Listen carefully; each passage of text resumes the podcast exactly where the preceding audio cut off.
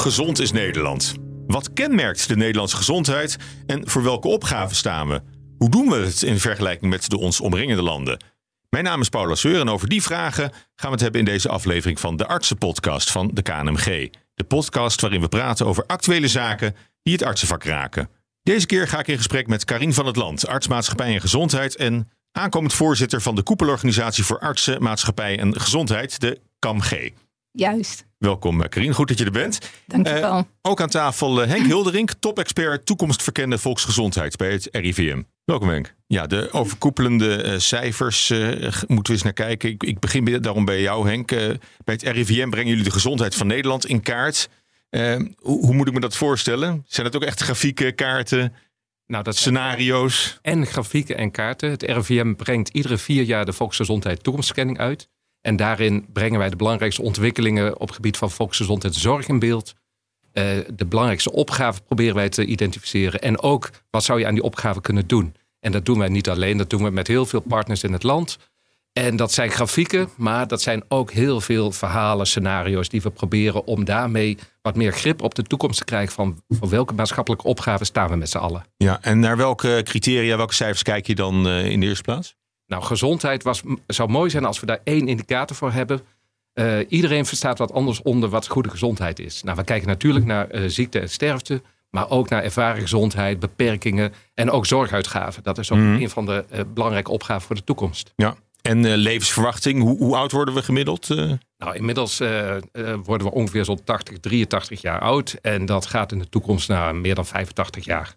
Oké, okay, dus we worden wel steeds ouder. We worden steeds ouder, maar ook belangrijk is van uh, uh, brengen we die extra jaren ook in goede gezondheid door. En dat is ook iets wat we als RIVM in kaart brengen. En dan kijken we van, van uh, hoeveel ziekte hebben we dan in de toekomst? Hoeveel jaren gaan er verloren door bepaalde aandoeningen die we hebben? Dementie wordt heel belangrijk in de toekomst. Maar ook hoe ervaren we onze eigen gezondheid? Ja, en als je nou um, 10, 20 jaar terugkijkt en, en vijf jaar vooruit, hoe ontwikkelen die cijfers zich? Is daar een belangrijke trend in te zien? Nou, we zien eigenlijk dat vergrijzing in Nederland, dat weten we al heel lang, dat de vergrijzing uh, de komende decennia echt een enorme stempel zal gaan drukken op onze gezondheid. Hoe we het moeten organiseren, de gezondheidszorg, de uitgaven die we hebben, maar ook uh, de mensen waar we voor moeten zorgen. Dus mantelzorgers wordt dan steeds belangrijker. Dus die vergrijzing zien we de afgelopen, af, de afgelopen jaren al dat dat een, een, een belangrijke rol speelt. Maar de komende decennia zal dat nog een veel belangrijke rol gaan spelen. Mm -hmm.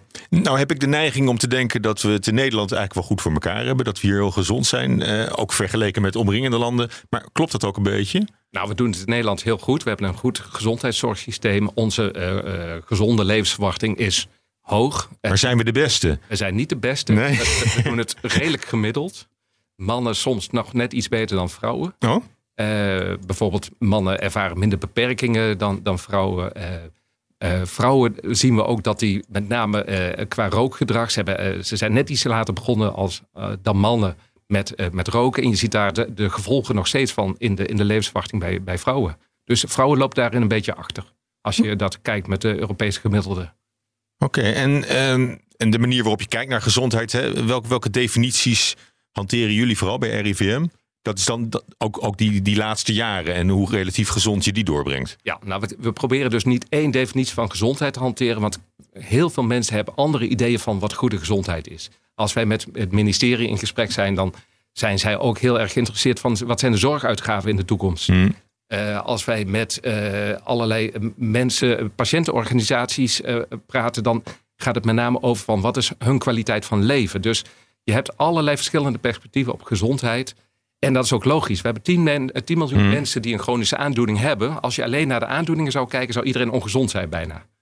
Maar het gaat niet alleen om, om het hebben van, van die aandoening en die ziekte. Het gaat ook van hoe ervaar je die ziekte en hoe kun je ook nog functioneren in de maatschappij. Ja, dus het is veel meer uh, dan kijken naar de afwezigheid van ziekte of naar, uh, naar sterfte alleen. Precies. Ja, oké. Okay. Nou, Karin, uh, kom ik ook bij jou uit. vanuit jouw vak, hè? als artsmaatschappij, gezondheid. Hoe, hoe kijk jij hier naar? Uh, als artsmaatschappij en gezondheid werk je vaak in de publieke gezondheid. Als je kijkt naar groepen mensen. En uh, we zijn ook heel maatschappelijk georiënteerd. Groepen mensen als in jongeren, mannen, vrouwen, Juist, uh, immigranten. Ja, dat ja? sowieso. Maar waar we ook veel aandacht voor hebben, is voor sociaal-economische gezondheidsverschillen heet dat. Dus als je in Nederland laag opgeleid bent, of praktisch opgeleid, korte opleiding en je hebt een laag inkomen, je hebt weinig geld te besteden, dan zie je dat je echt fors ongezonder bent dan mensen die uh, lang opleiding hebben gehad en die flink verdienen. Ja. En dat, dat mensen ook op een heel andere manier in de maatschappij staan. Het is ook een wat, wat schrijnende vaststelling altijd. Hè? Je zou ze graag anders willen, denk ik. Het is echt, ja, ja. Eh, dat drijft heel veel van mijn collega's om, om daaraan te werken. Hoe, hoe breed is die kloof, zeg maar, tussen, uh, laat ik het de onderkant en de bovenkant noemen. Dat is altijd wat, wat ongemakkelijke aanduiding. maar... Het hangt er vanaf hoe je het definieert. Wat had ik het met Henk in ons voorgesprekje nog over. Het RIVM hanteert drie groepen waartussen de verschillen worden, uh, worden bepaald. En dan kom je uit op ongeveer 15 jaar verschil gezonde levensverwachting. Terwijl het CBS deze week, die hebben met uh, voor vijf groepen hebben ze bepaald hoe de, de verschillen in kaart, nou, hoe de verschillen erbij staan. En die komen echt uit op de laagste groep is dan de groep die alleen basisonderwijs heeft gehad. En dan is er 25 jaar verschil in gezonde levensverwachting. En negen jaar verschil in absolute levensverwachting. Maar betekent dat dat ze ongeveer even oud worden, maar dat het voor hun de laatste jaren echt kwakkelen is? Of, uh... Negen jaar korter. Negen jaar korter. Negen en, en, de laatste jaren ook nog eens minder. Uh... En niet de laatste jaren, 25 jaar. Zo. Dus echt vanaf je, je vijftigste ongeveer begin je echt flink in te leveren op levensgeluk en voel je je niet gezond. En dat is toch wel een hele forse hoor, qua verschil. Denk je dat we daar genoeg van doordrongen zijn? Van dat, uh, ik denk eigenlijk van niet, Paul. Met elkaar. Ja, het, het, het, is, jouw vak. Dus ja. ik, en, en Henk, Henk, Henk, ook in zekere zin. Nou, het is, uh, als je kijkt van, uh, dat is ook heel hardnekkig, die kloof waar je het over hebt. En we zien eigenlijk dat ondanks alle inspanningen die gedaan worden om die kloof wat, wat smaller te maken, dat het niet lukt. Dat, dat verschil blijft iedere keer zo groot. En we zien misschien nog ook nog wel dat de kloof niet groot wordt, maar misschien ook nog wel dieper. Dus het is veel minder makkelijk om van als je lager opgeleid bent, om dan toch nog een hogere positie te krijgen en daarmee ook een betere uh, gezonde levensverwachting te mhm. krijgen. Ja. En dat opleidingsniveau, hè, daar heb je het over. Heeft ook dat opleidingsniveau er iets mee te maken? Of is, is het alleen maar dat mensen in een bepaalde sociale achterstand uh, vaak ook minder uh, opleiding hebben gehad? We zien dus ook dat in Nederland, dat uh, als je kijkt naar de, de geletterdheid van 15-jarigen, dat nou echt een fors deel, ik, ik hm. meen zo'n nou, 15 procent, 20 procent, ja. maar echt fors, die kunnen gewoon niet deelnemen hm. aan de samenleving. Het, omdat onze samenleving ingewikkeld is en omdat het belangrijk is om goed je bijsluiter te kunnen lezen bijvoorbeeld. Of om met je dokter te kunnen, weet je, als je slecht bent in geletterdheid, dan ben je over het algemeen ook slecht in, in verhalen structureren. En in logisch denken is ook moeilijker als je niet uh, hebt geoefend in je gedachten neerzetten op papier. Hmm. Dus dat helpt allemaal niet mee om gezonder te worden. En um, hoe, hoe zie je die kloof doorwerken in de, in de volksgezondheidscijfers? Nou, weet je, uh, waar ik heel graag aandacht voor zou willen, is dat, dat er één ding is waarvan je zegt, nou, dat zouden we nou toch eens aan kunnen pakken voor die gezondheidsverschillen. En dat is roken, tabak. Er zijn verschillende, natuurlijk ook weer allerlei verschillende percentages. Maar een rapport uit het, uh, het Planbureau voor de Leefomgeving uit 2020. Die stelt dat de gezondheidsverschillen in Nederland voor 36% te verklaren zijn door rookgedrag. Hm. Mensen met een lage opleiding die roken meer. Ja. En weet je, dan kun je natuurlijk zeggen, nou dan gaan we die mensen allemaal aanpakken en ze moeten allemaal stoppen met roken, wat heel moeilijk is. Maar je ziet ook bijvoorbeeld in Nieuw-Zeeland dat er wetgeving is bedacht waarbij een hele generatie rookvrij laat opgroeien. Mm Dat het gewoon verboden is om de naar kinderen die nu negen jaar zijn, dat die ooit nog tabak gaan gebruiken. En dat zou zo'n makkelijke manier zijn. Als je uitrekent als we dat twintig jaar geleden in Nederland hadden gedaan, dan had het gewoon een paar jaar leven gescheeld voor grote groepen mensen. Ja, het is, ja dat roken. En, en, maar maar hoe, hoe gaan we dat doen? Ik, ik denk dat een prijsprikkel uiteindelijk het enige is wat. Uh, maar ik zie de Telegraaf alweer. Hè? Ik, ik geloof over, over, over tien jaar zou een pakje sigaretten 30 euro moest, uh, moeten kosten. Nou, wij hebben bijvoorbeeld voor het Nationaal Preventieakkoord in, in kaart hm. gebracht van wat zou je kunnen doen om de doelen die daar gesteld zijn. Als je kijkt naar de projecties die wij maken voor de toekomstprojectie voor roken, dan gaat dat dan ongeveer 14 procent. Nou, in het Nationaal Preventieakkoord wil men dat terugbrengen naar 6 procent. Wil je dat terugbrengen, dan, ja, dan zijn eigenlijk prijsmaatregelen... 40% overlijdt aan het roken? Nee, sorry. Uh, de mensen die roken. Ja? Het aantal uh, percentage mensen dat rookt, wordt ongeveer 14% in de toekomst. Dan gaat het, Over de hele bevolking. Ja, mm en het daalt gestaag, maar dat kan uh, nog harder dalen als je uh, beleidsmaatregelen gaat treffen. Bijvoorbeeld prijsmaatregelen uh, blijken dan het meest effectief te zijn. Uh, maar dan heb je het wel over accijnsverhogen van een, een pakje sigaretten zou dan nou, meerdere euro's of zelfs 10 of tot, tot, tot 20 euro's duurder moeten worden om echt dat effect te, te, te krijgen. Nou, het is ook wel, maar het is ook wel betuttelend ergens, hè? Maar betuttelen is goed. Nou, daar gaan wij het niet over. Wij brengen eigenlijk in kaart van wat, uh, wat je zou kunnen doen. En uiteindelijk is het aan het, aan het beleid en aan de politiek om die keuze te maken. Ja. ik ga er wel over. Ja. Want uh, ja, mijn collega's werken bijvoorbeeld uh, als jeugdarts. Mm -hmm. En ja, wij vinden dat, dat mensen worden al zoveel betutteld door de industrie. Als je ziet hoe kinderen worden getarget met vapes. Ja. Om ze maar aan het roken te krijgen. Ik heb mijn eigen zoon, die heb ik van de, van de meloensmaakjes, moet ik die proberen af te krijgen. Oh ja, maar daar krijg je hulp bij, toch? Die, die smaakjes mogen straks ja, niet meer. over een jaar of zo. ja, weet je, hartstikke fijn dat dat, dat Ja. niet meer mag. Maar uh, de marketing is echt intensief. En er wordt heel veel geld in gestoken. Mhm. Echt de slimste en knapste mensen, nog veel slimmer en knapper dan Henk en ik, die zitten daar. Die zijn daar bezig om mensen te targeten. Om te zorgen dat ze die ongezonde gewoontes aannemen. Waarmee ze verdorie, ja, sorry hoor, ja, echt levensjaren inleveren. En ook heel veel levensgeluk inleveren. Ja, dus rook staat eh, bovenaan 9% van alle ziektelast. Eh, het begrip ziektelast, hè, hoe, hoe moet je dat eh, omschrijven? Nou, wij proberen ook ziektelast of het gezondheidsverlies in Nederland proberen we in kaart te brengen door te kijken van waaraan eh, overlijdt men. Dus hoeveel jaren gaan er dan verloren als iemand overlijdt op 40-jarige leeftijd, zeg maar dat is 40 jaar. Maar je kijkt ook naar alle eh, ziekten en aandoeningen die in de bevolking voorkomen met de ernst daarvan. Dus je weegt alle ziekten naast elkaar van hoeveel kwaliteit van leven gaat er verloren door alle ziekten. En uiteindelijk tel je dat op en dan krijg je dus een maat voor het gezondheidsverlies in Nederland. Ja, oké. En, en, en roken is daar een belangrijke... Roken is ja, Of- of- 9 tot 10 procent. Eh, Ja. ongezonde voeding is ook een, Ja. eh, met stip op nummer 2. En ook hier zou je willen dat Nederland zich daarin onderscheidt van andere landen, maar dat is ook niet zo, hè? Er is een onderzoek geweest waarin eh, vergeleken is hoe verschillende landen zich, eh, zich bezighouden met het terugdringen van ongezonde voeding. En daar bungelde Nederland toch wel onderaan. Je ziet Oh, dat de Europese landen, eh, ze hebben allemaal verschillende programma's en verschillende wetgeving. Maar ze doen allemaal wat. Dus ze hebben BTW op groente en fruit. Of ze hebben een goede suikertax. Of ze hebben hele goede, strakke eh, jeugdprogramma's. Of ze doen juist heel veel voor ouderen. En in Nederland blijven maar denken en onderzoeken. En, en die suikertax, nou die komt er misschien in, de, in het voorjaar wordt dat weer aan de Kamer teruggerapporteerd. De Tweede Kamer of de, van wat het uitslag van het onderzoek is. Mhm. Je zou echt heel graag willen dat we daar vaart op maken. Ja, want e- eigenlijk, eigenlijk sla je daar alarm over. Ja, en misschien is het daar ook Daarom is het goed, goed om- dat we elkaar spreken. Juist. vandaag. Misschien daar ook goed om, weet je, dat roken. Dat, eh, eh, daarvan zeggen mensen, ja, dat zijn pleziertjes en dergelijke. Eh, eh, voeding, ongezonde voeding, dat is nog behoorlijk eh, democratisch verdeeld. Mhm. Zoals we hier staan als hoogopgeleiden bij elkaar, leveren we met z'n allen ook echt levensjaren in door ongezonde voeding. Ja. We zijn met z'n allen in de greep van, van de voedingsindustrie, van de, onze eetgewoontes, zoals we die met elkaar hebben ontwikkeld. En ja, eh, dat is toch echt zonde, vind ik. Ja. Ja, en misschien is het ook wel goed om aan te geven van 50% van de Nederlands- Nederlandse bevolking heeft overgewicht. En dat als we zo doorgaan, stijgt dat naar 60, 70 procent. Nou, daar speelt natuurlijk die gezonde voeding ook, kan daar een belangrijke rol bij spelen. Dus wil je daar wat aan doen, dan moet je ook kijken van, kunnen we dan wat aan gezonde voeding doen? Eh, de andere kant is dan ook bewegen. Hè? Dat je moet, eh, om overgewicht aan te pakken, zou je ook meer kunnen bewegen. Mhm. Daar doet Nederland het dan weer wel redelijk goed. Omdat we naar het werk fietsen en naar... eh, Ja, Nederland is wat dat betreft, eh, alles is goed bereikbaar per eh, fiets. En we lopen veel. Dus daar zie je dat Nederland eigenlijk eh, relatief veel beweegt. jee. Ja, maar nog steeds.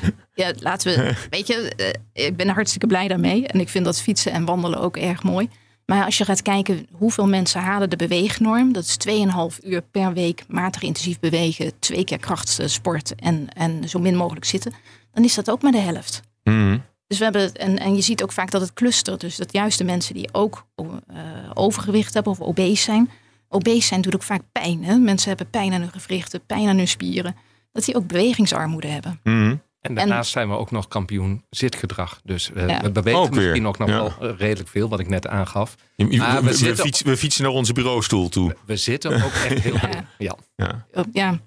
En misschien is het ook goed om aan te geven dat bewegen, het is gezond. Maar dat klinkt zo, Mhm. wat je ook zegt, hè, de framing van alle pleziertjes. Oh, je moet ook nog bewegen, je moet dit. Je, bewegen levert ook ontzettend veel op. Heel veel levensgeluk ook Mhm. weer. Ja. Als mensen maar één uur per week bewegen, wandelen, dan daalt het risico op depressie daalt gewoon al fors. Maar maar het, het komt eh, misschien wel in- voor, een belangrijk deel door, door de vergrijzing natuurlijk. Daar, daar begonnen we eigenlijk ook al mee. En, en dat is een trend die alleen maar doorgaat. Ja, de vergrijzing uh, die gaat door. Uh, dat is natuurlijk ook een goed punt, hè, want mm. we leven langer. Nou, dat komt dus bijvoorbeeld dat wij toch gezonder zijn gaan leven de afgelopen decennia. Maar ook dat we een heel goed zorgsysteem hebben. Mensen leven langer. Uh, we hebben het ook nog te maken met de babyboomers van na de Tweede Wereldoorlog. Nou, die bereiken nu zo'n beetje 75 jaar. En die zullen dus de komende jaar 75, 80, 85 gaan worden. Ja, en dan dan breekt de hulpbehoevende fase aan. Dus uh, we, we, staan nog wel wat te wachten. Ja, met die enorme druk ook op de, op de samenleving en, en, en op de zorg. En uh, ieder, iemand moet die zorg natuurlijk ook gaan verlenen. Ja. En, en daar zijn steeds minder gezonde jonge mensen voor uh, om dat te kunnen doen. Inderdaad, ja. een duidelijke zaak. Ja. ja, en ook in een grote opgave waar Nederland voor ja. staat.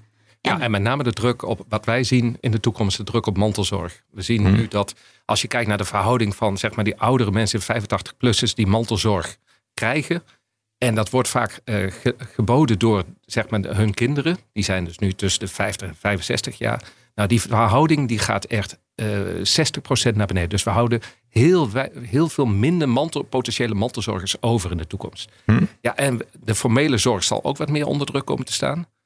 Uh, we weten dat die zorguitgaven eh, gaan toenemen. Dus ja, dat, dat, dat gaat mhm. ergens knellen. Ja, maar goed, jullie verhaal is natuurlijk ook weer niet helemaal nieuw. Hè? Ik bedoel, de, de cijfers zijn, zijn op zich verontrustend. En het, het is misschien minder fraai dan we, dan we zouden willen. Maar het, het verhaal is niet nieuw. Hoe, hoe verklaar je, uh, of, of tenminste, wat zou je beter kunnen doen dan de, dan de voorlichting zoals we dat nu al doen? En wat we, het, het, gaat, het, kennelijk is voorlichting alleen niet genoeg. Nee, dat is absoluut niet genoeg. Dus um, wat dat betreft, uh, ja, wij kunnen hier van alles roepen, want wij zien het gebeuren. Nee, ik denk dat wat wel nieuw is, is bijvoorbeeld de inflatie.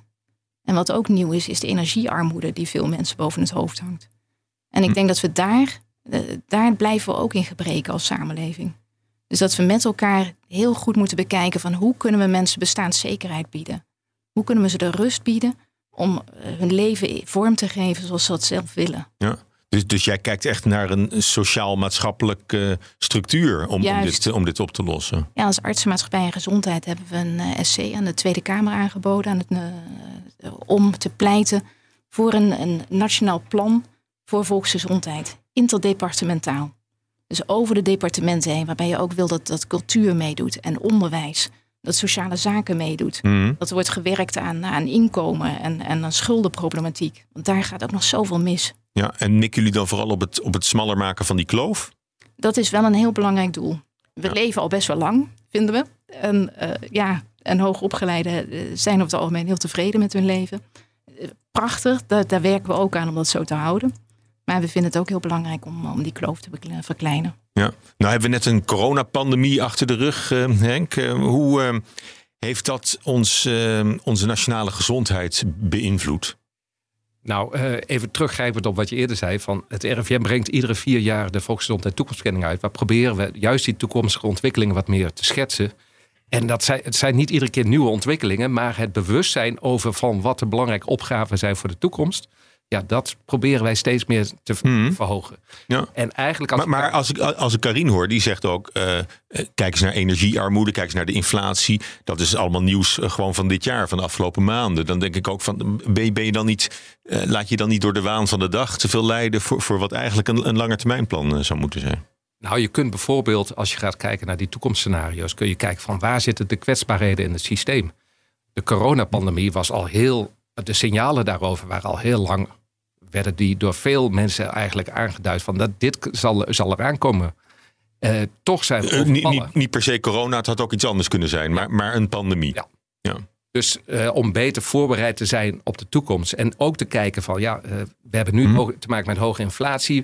We hebben een, woning, een woningmarkt waar enorme druk op staat. Al die aspecten die hebben ook met elkaar te maken. Dus probeer alles wat meer van een integraal perspectief te bekijken. Van hoe kunnen we nou Nederland in de toekomst, nou, of hoe kunnen we Nederland toekomstbestendig krijgen? Ja, als je kijkt naar de GGD'en, waar veel van mijn collega's werken, dan zie je dat, dat daar ja, structureel te weinig in geïnvesteerd is geweest de afgelopen mm decennia. Om stevig zo'n pandemie op te kunnen vangen. En je ziet dat iedereen daar keihard heeft gewerkt. Ook mijn collega's, ook allerlei anderen. Om toch de vaccinaties, het testen, het, alles wat nodig was om zo'n pandemie te kunnen managen, goed op te pakken. Ja. Met, een, met mooie resultaten. Maar wel dat, dat we nu denken van nou, nu is het toch tijd om daar Ja. steviger in te grijpen. En, maar wordt dat, moet dat onderdeel zijn van de integrale eh, gezondheidsaanpak? Of, eh, of, is het, of, eh, of ben je eigenlijk een brandje aan het blussen? Of een brandje, een uitslaande brand aan het blussen? Die, Nou, het is eigenlijk een extra signaal dat we ook rekening moeten houden met infectieziekten in de toekomst. En waar wij signaleerden dat we belangrijke opgaven in de toekomst hadden, nou, dat leek vaak soms wat meer de verre toekomst te zijn. Maar de coronapandemie heeft laten zien dat al die opgaven eigenlijk nu al spelen.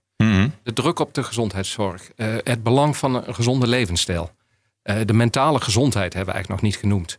Hoe belangrijk dat is en hoe de druk daarop toe kan nemen als we zien bij dat de mentale gezondheid bij jongeren enorm onder druk staat.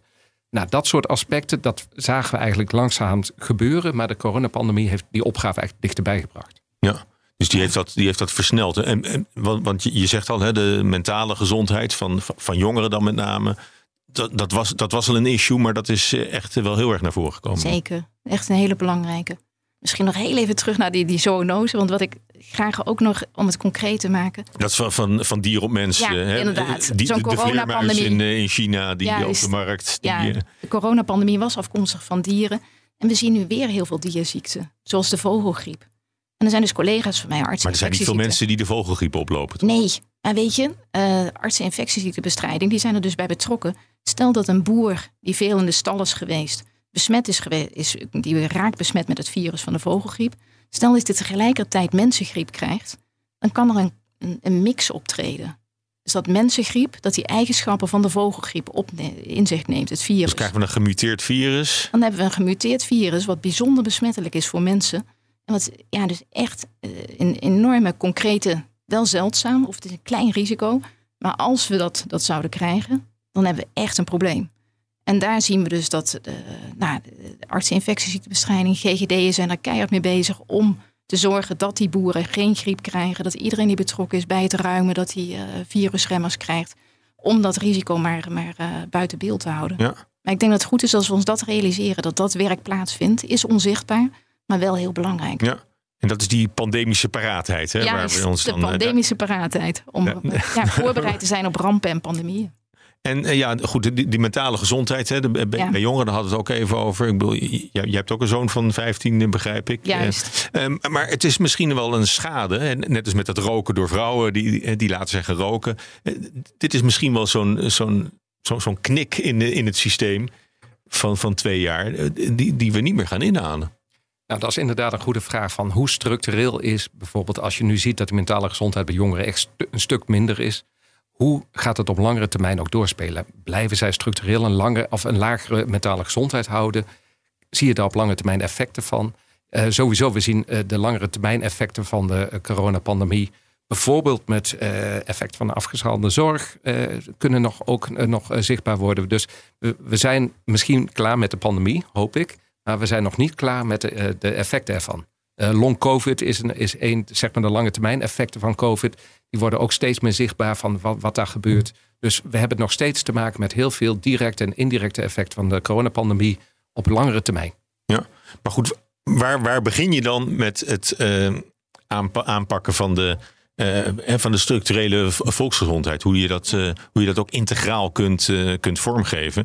Want nu moeten we ook al aan de, ons bekommeren om de mentale gezondheid van, van jongeren in de prestatiemaatschappij. Hè? Die, die, die druk wordt alleen maar groter. En, En dat is dus de vraag, Paul. Weet je, wordt die druk alleen maar groter? Hebben wij met z'n allen hebben we daar invloed op. En mijn collega's, de, de jeugdartsen, die, Mhm. die luiden daar ook echt een noodklok over. Hmm. Van de, ja, het schoolsysteem, eh, dat kan anders. Ook weer Ja. naar, als we Maar kijken is naar dat, mijn, is dat gezondheidsbeleid? dat is absoluut gezondheidsbeleid. als Over, die over, kinderen, over met- wat, vereisen we aan onze, onze kinderen stellen? Zeg als maar, eh, kinderen massaal omvallen omdat ze ja, de druk niet aankunnen, die wij met, met, met z'n allen op ze leggen, dan is dat gezondheidsbeleid. En dat is dus eigenlijk ook het mooie van artsmaatschappij en gezondheid zijn. Dat je, eh, we zeggen wel eens, eh, andere artsen kijken door de microscoop en wij kijken door de macroscoop. Wij mogen ons bemoeien met dat soort zaken, omdat dat ook gaat over gezondheid. ja. En het is niet alleen gezondheidsbeleid. hè. Want Tuurlijk we- niet. We kunnen zeggen van die beleidsmakers moeten alles doen. We zijn er zelf ook bij. We maken Ja. zelf ook onze maatschappij. Dus wat wij ook proberen om wat meer de discussie van wat voor soort maatschappij wil je nou in, in, Mhm. in wonen over 10, 20 jaar? Hoe wil je gezondheidssysteem nu organiseren? is alles eigen verantwoordelijkheid? Of wat is dan de verantwoordelijkheid van, van beleid? Mhm. Dus om die discussie te faciliteren, proberen wij ook te schetsen van wat, wat zijn dan de belangrijke opgaven en hoe? Mhm. Want er is niet één eh, eh, oplossing voor de opgave waar we voor staan. Daar zal, zullen keuze in gemaakt moeten worden en we moeten die discussie aangaan. Wat zijn dan ook de, de beste oplossingen daarvoor? Maar die opgave is overweldigend natuurlijk. En, en je, je zegt van ja, we moeten een keuze maken tussen. eh, hè, nogmaals, waar, waar- waar, waar begin je? Nou, ik denk de, de volksgezondheid en toekomstverkenningen, die gebruik ik daar zelf echt wel bij. Als laatst eh, adviseerde ik eh, voor de Green Deal eh, duurzame zorg. En dan begin ik met, met die percentages die Henk en, en, en collega's klaarzetten. Van wat heeft nou de meeste impact? En dan zie je weer dat het roken, gezonde voeding, dit, allebei heeft trouwens ook een enorme klimaatimpact. Ah, Oké, Ja, dus dus, dus het levert nog positief meer op dan alleen maar een, gezondheids. Ja, en misschien mag ik nog aangeven dat er zijn ook veel artsenmaatschappijen en gezondheid die zich bezighouden met beleid en advies. Die dus juist gespecialiseerd zijn in het maken van dat soort keuzes. mhm. En ik ben er zelf ook zo één. Dat, eh, ik werk bij een zorgverzekeraar. En dat vind ik zelf ook heel leuk. Dat is een plek waar je, waar je aan de knoppen kunt draaien. Weet je, bij mensen zijn we echt heel bewust bezig met het, eh, het maken van de, de juiste keuze voor verzekerden. Bijvoorbeeld, eh, ja, we, we, we zetten ons tegen het, het lange, langdurige eigen risico of het hoge eigen risico. Weet je, je ziet dat mensen met, met, eh, die, die Hmm. het al krap hebben, die zeggen, nou dan, dan neem ik maar zo'n eigen risico van 800 euro. Dan heb ik Ja. iets lagere premie. Ja. En die, die En die komen gaan, dan die gaan misschien wel eh, zorg mijden, omdat, ze, omdat het anders duur wordt. Dus dat, ook dat heeft gezondheidseffecten. Ja, ja. en, En- pre- en preventie natuurlijk is, is een Ja. belangrijk eh, thema. Maar we gaan daar straks nog uitgebreid over verder praten. Karien van het Land, arts maatschappij en gezondheid.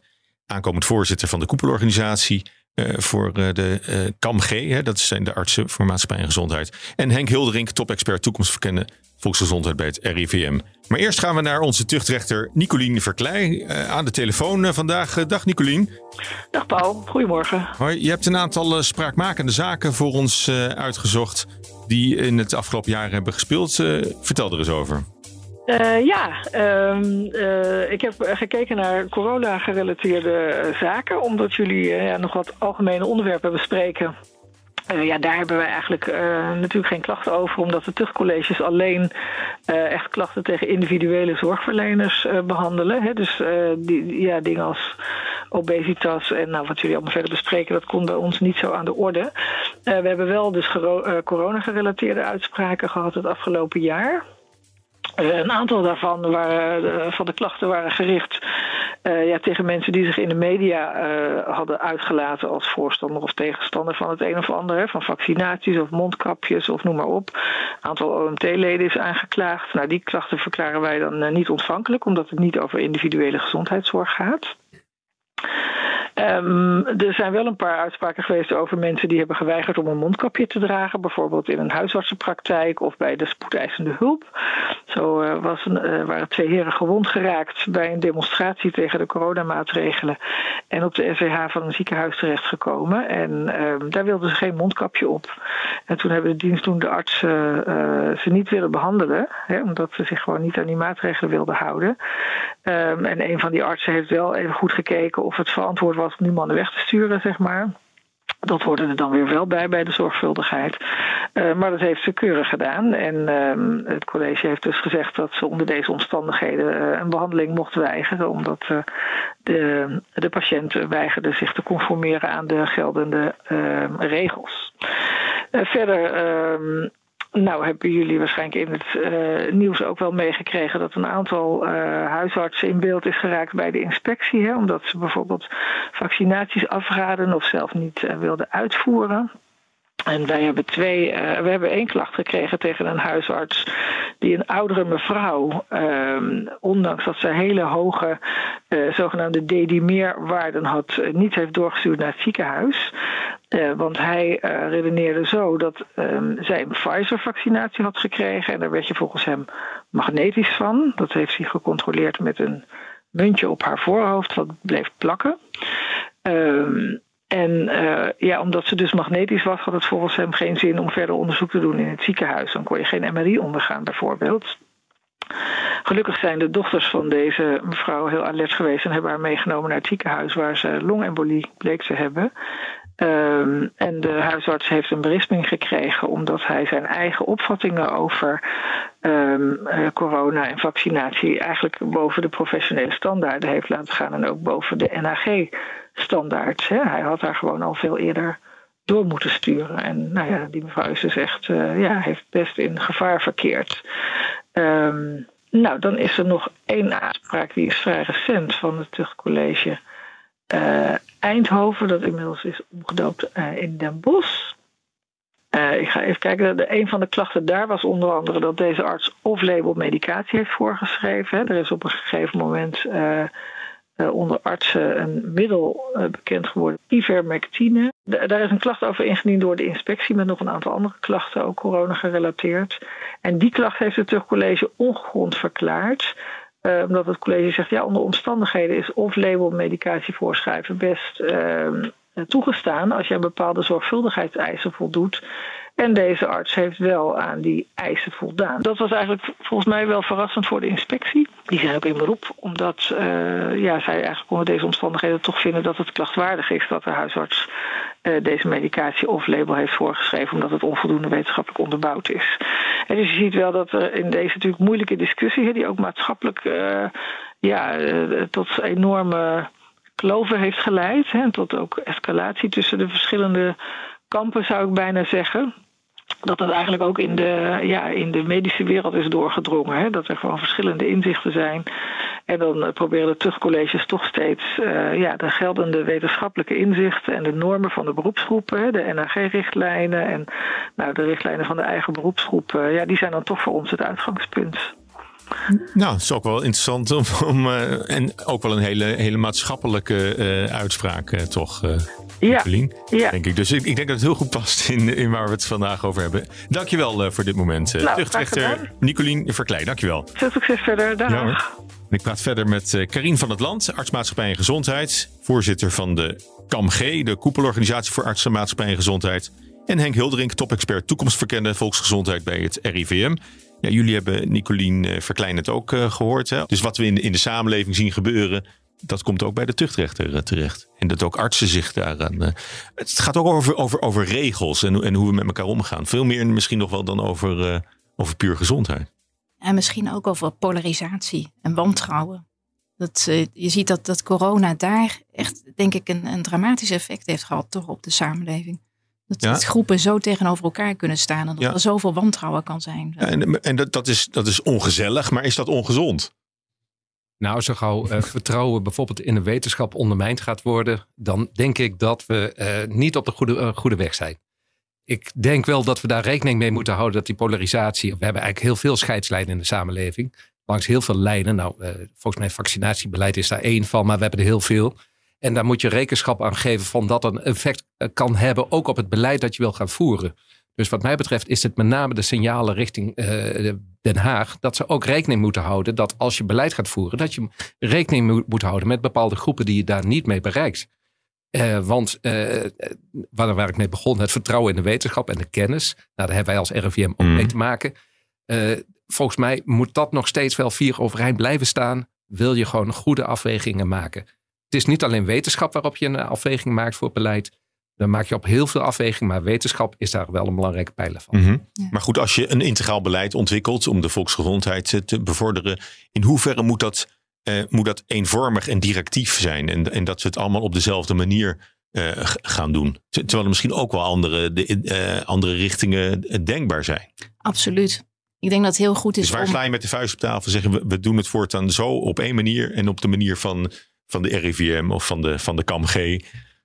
Ja, ik denk, nou, als we weer even terugkomen op roken. Ik denk dat dat, ja, roken, het geeft mensen plezier, maar het is ook echt giftig. Ik denk dat we daar als samenleving wel grenzen mogen stellen. En verder, ik heb het ooit heel mooi horen uitleggen door Martel Huber van de positieve gezondheid.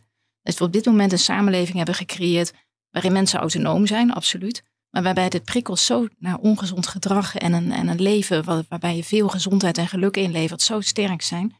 Dat, dat, je, ja, dat heel veel moeite kost om daar je tegen in te douwen. Om de, tegen die stroom mm. in te gaan. Ja. En je zou eigenlijk heel graag willen dat mensen autonoom blijven. Maar dat, de, als je, als je, dat het tegen de stroom ingaan wordt om levensgeluk en levensjaren in te leveren. Dat als je dat wil, nou prima. Weet je, dat, dat beslis je dan zelf. Maar dat we wel met elkaar zorgen dat de default uh, is om uh, nou, uh, ja, een, een vitaal leven. Ja. Mensen veel geluk uithalen. Ja, want Henk, jullie hebben onderzoek gedaan naar de drie belangrijkste gezondheidsopgaven voor de toekomst. 1, 2, 3. Wat is de top 3? Nou, dat is uh, nou, de belangrijk. Dit zijn belangrijke opgaven voor de toekomst. We zien dat het ongezonde gedrag nog steeds leidt tot heel veel hart- en vaatziekten. Tot uh, kanker uh, zal ook een heel belangrijke ziekte blijven, maar misschien ook wel worden. Dus daar moeten we echt met die integrale preventie die je noemde, de gezonde leefstijl, in brede zin bekijken. Van, het gaat niet alleen om het roken, maar kijk nou ook in welke situatie iemand zit die aan het roken is. Uh, als je in armoede leeft of onder bestaansniveau leeft, dan heb je echt heel weinig stimulans om gezond gedrag te gaan vertonen, omdat je gewoon daar geen ruimte voor hebt in je hoofd. Dus probeer dat nou in die integrale, op, op die integrale manier te gaan bekijken. Nou, dat is één opgave. Andere is die vergrijzing. We zien dat ouderen steeds langer zelfstandig thuis wonen.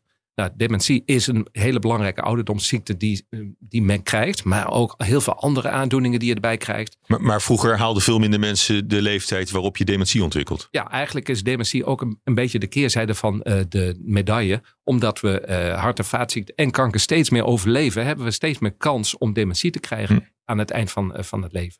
Dus daar, dat is eigenlijk ook een, een, een, een, een positieve ontwikkeling of het is een effect van positieve ontwikkelingen op het gebied van behandeling van kanker en hart- en vaatziekten. Dat zijn de twee. En de derde is de mentale gezondheid. Daar zagen we al uh, in 2018 zagen we dat dat uh, onder jongeren steeds meer onder druk kwam. Die prestatiemaatschappij. Maar niet alleen de, de maatschappij, ook van de oude zelf. Dat er steeds meer druk wordt ervaren van, door jongeren om te moeten presteren. Uh, daar hadden we geen harde cijfers voor in 2018. Dus dat is. Mm we zagen wel allerlei signalen dat die mentale druk bij jongeren onder. of die mentale gezondheid bij jongeren onder druk kwam te staan. Ja. Dus, eh, en je ziet dat dat nu bij de pandemie eigenlijk heel erg naar voren is gekomen. En dat er nu ook heel veel meer cijfers beschikbaar zijn hoe het gesteld is met mentale gezondheid van jongeren. En, dus en, en, je hoort er ook wel heel veel aandacht voor, voor, voor vragen natuurlijk. Eh. Ja. Kan altijd meer waarschijnlijk, zullen jullie zeggen. Maar het is, het is wel iets wat, wat we niet voor het eerst horen. Um, de ons omringende landen, als je daar dan naar kijkt. Want we zijn natuurlijk ook maar een postzegel in, in de wereld en in Europa. Uh, zouden we dat beleid niet, niet veel meer, nog veel meer centraal moeten gaan, uh, gaan, gaan voeren? Je ziet wel hele mooie voorbeelden her en der. Bijvoorbeeld de IJslandse aanpak voor een gezonde jeugd. IJsland was twintig jaar geleden, hadden ze, ja, de jeugd dronk heel veel, was bijzonder ongelukkig. Ja, veel druk. in IJsland. Ja, echt fors. En uh, dat, dat zijn ze toen integraal gaan aanpakken. Dat woord uh, wat, wat Henk net ook gebruikte. Dat, ze hebben niet alleen maar, weet je, wij, wij lijken nu uh, toch wel een beetje van die gezondheidswappies, Henk, dat we voortdurend over roken en drinken en zo hebben. In IJsland zeiden ze, nou, dat willen we tegengaan, maar we willen ook echt een positief alternatief bieden. We willen zorgen dat jongeren ook echt mooie, leuke, interessante, vitale dingen te doen hebben. Dus ze zijn met een heel stevig cultureel en sportprogramma begonnen. Na school hebben we er ook op een sociale norm ingezet dat dat cool was om te doen. Weet je, want je zou nu denken, weet je, iedereen zit achterover. Maar jongeren die gingen rugbyen en ze gingen echt gave dingen doen. En nou, met een fantastisch effect. Eh, je gaf dus en een alternatief. En je maakte met, met allerlei wettelijke maatregelen voor de omgeving het gewoon veel moeilijker om je ongezond te gedragen. Nou, prachtig. Maar wat ik je ook hoor zeggen is dat heel veel van de oplossingen en van de preventie eigenlijk buiten de zorg ligt. Ja, en ik denk dus ook in de omgeving. Juist voor de mensen, die Henk benoemde net ook, van de, nou, de mensen die in een context zitten die niet uitnodigen tot ongezond of gezond gedrag. En het is zo jammer als we daar met z'n allen ook nog op gaan zitten duwen van ja, je moet dit en je moet die keuze maken en je moet daar mm. uh, op letten en je moet de liga's met, uh, met, met, met melk erin, dat is, dat, dat, is alleen maar suiker. Weet je, dat soort dingen dat je ook nog een HBO-opleiding moet hebben eigenlijk om gezonde keuzes in voeding te maken. als we daar eens vanaf gaan, dat die mensen een eenvoudige, overzichtelijke leefomgeving hebben die, die uh, ja, waar ze vitaal in kunnen zijn. Ja. Maar een opleiding. Helpt wel. Helpt wel. Maar, maar, maar, niet, niet alleen dus om. Uh, ook in algemene zin. Niet alleen om, om de bijsluiter te kunnen lezen. Nee, nee, nee. Of, of, of, om te begrijpen dat, ja. uh, dat een lichaam met melk. Dus ook als je logisch kunt denken. en een goed plan voor jezelf kunt maken. dat helpt ook al enorm. Oké. Okay. En om het af te sluiten, hè, we, we, hebben natuurlijk in vogelvlucht en een beetje, want het is een heel breed veld. Dus we hebben de gezondheid van ons land eigenlijk in heel veel verschillende aspecten nu bekeken. Um, kan je ze algemeen het zeggen, zijn we, zijn we goed bezig? ik zie wel heel veel zijn op groen staan. Ook weer vanuit het, mijn werk bij de verzekeraar eh, zie ik dat, dat er echt heel hard wordt gewerkt binnen de overheid, bij verzekeraars, bij gemeenten, bij, bij zorgorganisaties, om de dingen goed te gaan doen. En om we hebben een gezond en actief leven akkoord. En dat is er niet voor niks. Daar geloven mensen echt in. Dat we nu met elkaar echt het verschil moeten gaan maken. Ja, Henk, pakken we ook genoeg door? Uh, ja, we pakken al inmiddels veel beter door dan in het verleden. Want in het verleden was het echt heel erg verkokerd hoe we de aanpak deden. Dus we, we proberen het nu ook, de integraliteit die we net benoemden, van dat je niet alleen naar roken kijkt, maar kijkt van de hele situatie waarin men zich bevindt. Dat, wordt, dat is eigenlijk al veel meer verbeterd. Uh, daarnaast denk ik ook van, we kunnen ook heel veel meer buiten onze landsgrenzen kijken. Nou, dat werd net al, al genoemd. Hoe, in hoeverre kunnen wij leren van wat er in andere landen op, aan goede, uh, uh, of goed beleid wordt gevoerd. En, Nieuw-Zeeland, IJsland. ja, ja. En, want volksgezondheidsbeleid werd heel vaak als nationaal beleid gezien. Nou, de pandemie heeft laten zien dat de gezondheid zich niet altijd aan grenzen houdt. En dus ook dat samenwerking op, op bijvoorbeeld Europees niveau, dat dat toch eh, tot heel veel voordelen kan leiden. Nou, laten we dan ook op een goede manier leren van elkaar. Nou, dat lijkt me een mooie eh, manier om dit eh, af te sluiten. Dank jullie wel daarvoor. Um, dank voor jullie komst ook naar de studio. Carine van het Land, artsmaatschappij en gezondheid en voorzitter van de koepelorganisatie voor artsenmaatschappij en gezondheid, KAMG, inkomend voorzitter. En uh, Henk Hildering, top-expert toekomstverkende volksgezondheid bij het RIVM. Dit was de artspodcast van de KNMG. Mijn naam is Paula Seur. Dank voor het luisteren. Wil je geen aflevering missen? Abonneer je dan op deze podcast. Graag tot de volgende aflevering.